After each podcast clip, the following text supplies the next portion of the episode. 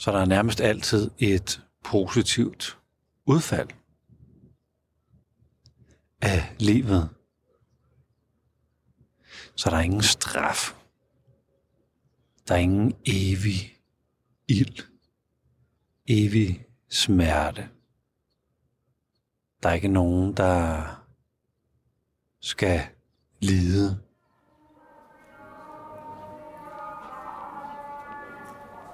Velkommen til Hverdagsbilledring. Mit navn det er Flemming Christensen. Jeg er lige nu på en flodbåd. Nilen i Ægypten. Og det har været en lang dag. Og vi har moset rundt. Og jeg har set en masse templer efterhånden. Og gravsteder. Og vi har talt meget om, hvad hele, hele formålet med fantastiske gravsteder og templer egentlig har været. Altså at det nærmest har taget en, et helt liv at gøre et gravsted klart. Vi var inde i et sted, der ikke var særlig stort, der ikke var særlig langt under jorden, og ikke var særligt udsmykket. Og man regner med, at det så var en af de unge teenage konger, der lå der. Han havde ikke haft et særligt langt liv at leve i, og dermed heller ikke særlig lang tid at gøre gravet, gravpladsen og templet øh, klar til ham. Hvorimod dem, der havde levet noget længere, der kunne man nå at grave dybere, gøre det mere sikkert for gravrøver. Og hele vejen ned i skakterne, i gangene ned til gravkammerne, der er der inskriptioner, som forklarer rejsen ned, eller rejsen ind, eller rejsen op, eller den sidste rejse, eller rejsen til, til det næste. Og jeg synes, der er en, øh, en, en, et fantastisk element i, i de her tegninger, symboler, hieroglyffer, hvad man du skal kalde dem, som beskriver, at på et tidspunkt så skal man vejes. Og man har 42 negative bekendelser, hvor man altså skal sige nej til 42 ting. Så det gjorde jeg heller ikke, og jeg gjorde heller ikke det her, og jeg gjorde heller ikke det her, og det her, det har jeg heller ikke gjort. En interessant måde at, at lave bekendelser på, at det altså ikke er noget med, at jeg skal have været på en bestemt måde, men der er noget, jeg har undladt at gøre, eller sige, eller. Og når man kommer igennem det, og man ikke har gjort nogen af de her, så har man en mulighed for at blev en stjerne på himlen og stå og lyse i alle tider. Man kan blive reinkarneret og få en tur mere. Eller man kan blive opløst. hvor de gode dele af ens sjæl kan end, end nogle andre. Men man kan ikke komme i helvede. Man kan ikke man kan ikke opleve i princippet noget negativt. Og det synes jeg faktisk er interessant. Og man kan heller ikke blive reinkarneret lige så mange gange, man har lyst til. Man får sådan en 3-4 ture. Og så, så er det ligesom det. Så enten så bliver du en evig, evig lysende kilde, som er en del af, af uendeligheden, som lyser op om natten og har sin helt præcise plads i stjernebilledet. Eller også så bliver du delt op i mindre dele, og det der så er nyttigt, det bliver genbrugt. Så der er nærmest altid et positivt udfald af livet. Så der er ingen straf. Der er ingen evig ild. Evig smerte. Der er ikke nogen, der skal lide. Og man kan ikke engang bruge det i sin, øh, i sin opdragelse, at hvis du ikke gør det, så kommer det til at gøre virkelig naller. Så, øh, så vil du være i helvedes ild og brænde op evigt. Du vil ikke engang brænde, brænde op, brænde op evigt. Der er et eller andet godt ved, hey, jeg er her, jeg gør mit bedste. Jeg der er forholdsvis sådan meget øh, røg i luften her på skibet. Det er som om, at alle de andre skibe, der er fortøjet her, de er i gang med, hvad ved jeg, og lave morgenmad eller frokost eller hvad det er, der bliver lavet her. Men det, det at man, man ikke har straffen, altså livsstraffen, synes jeg egentlig er ret genialt koncept.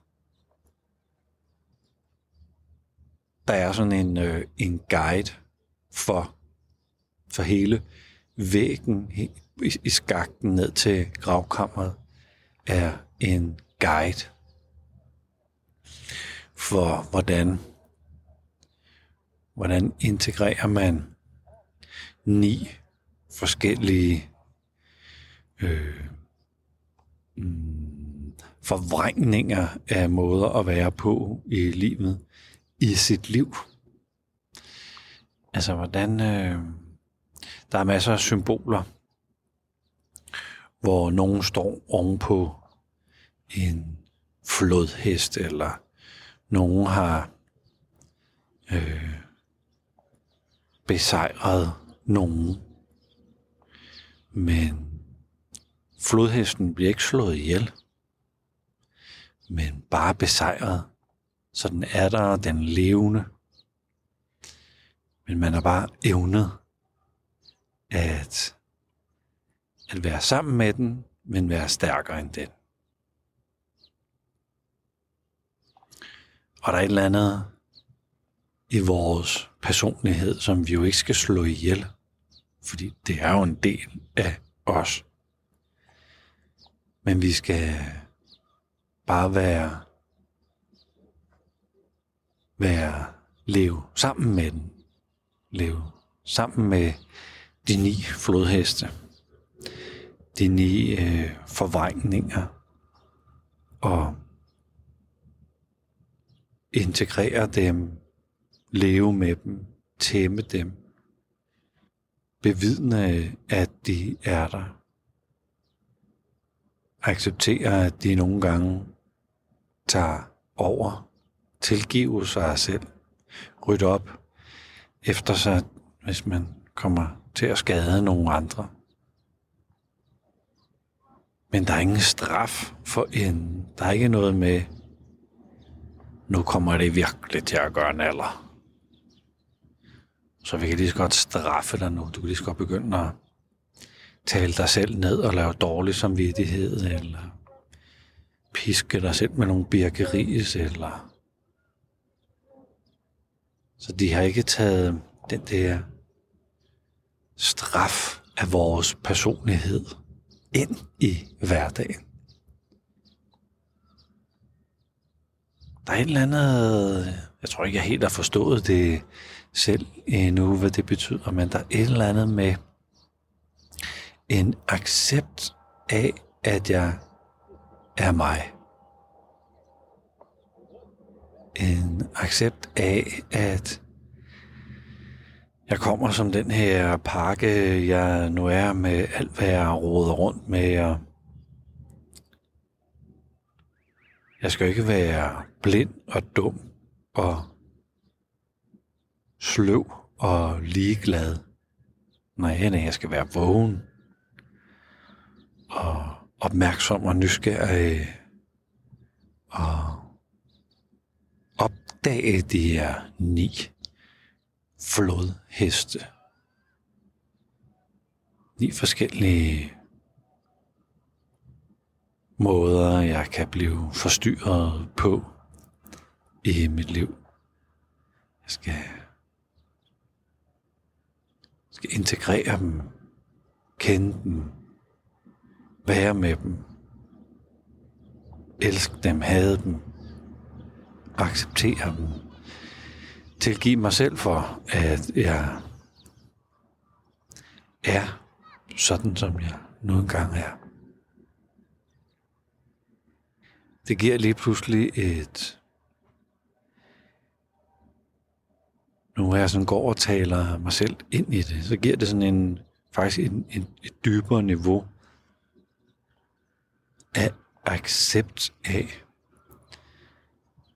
ja, så er jeg så her i mit liv. Det er hverken godt eller skidt. Jeg vinder ikke noget. Jeg bliver ikke straffet for at have gjort et eller andet. Jeg er kommet hertil, jeg har gjort mit bedste. Jeg synes ikke, jeg har sovet så meget i livet. Jeg har da arbejdet på at skærpe mit nærvær og min tilstedeværelse og min nysgerrighed. Jamen, jeg, jeg vil gerne være sådan ihærdig med mine og Jeg vil gerne sådan fortsætte det, jeg gør. Selvfølgelig vil jeg det. Så på en eller anden måde, synes jeg, det vækker noget mere nysgerrighed til, hmm, okay, hvad der, hvad der så også er måder at, at være på, eller måder, der også er mig på, eller det giver en, en, en frihed til at være lærende og nysgerrig på. At der ikke er sådan en doktrin eller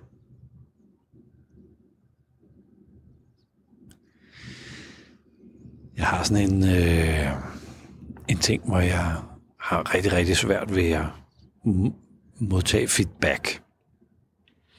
Jeg hører det som kritik. Men det slår mig lige pludselig, at Ja, det nok fordi, jeg er, er hård ved mig selv. Jeg ikke rigtig tillader mig at pjatte og have det sjovt og skære ud, før jeg sådan har gjort mig umage.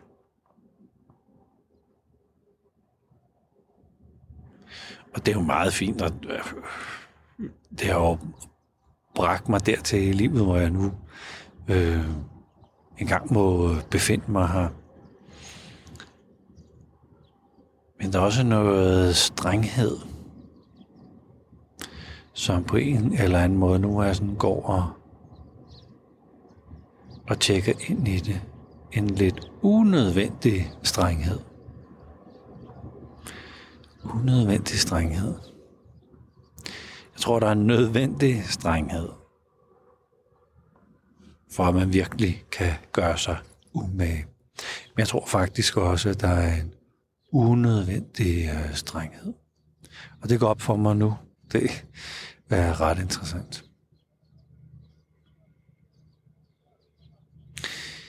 Tænk, hvis jeg kunne være mere venlig,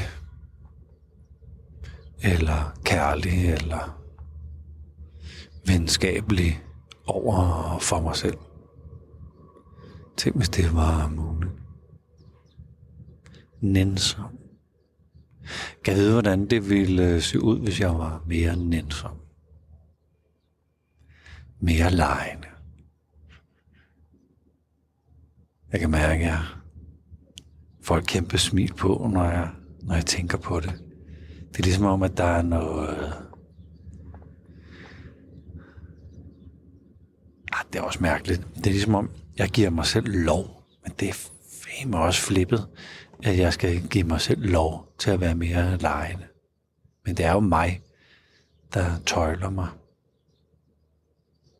Hmm. Ja.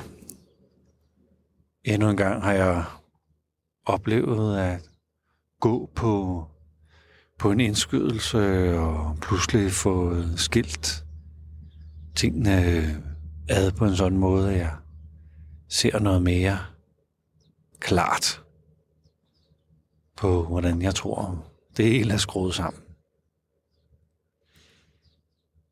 Tak fordi du lyttede med til den her episode af Hverdagspilgrim.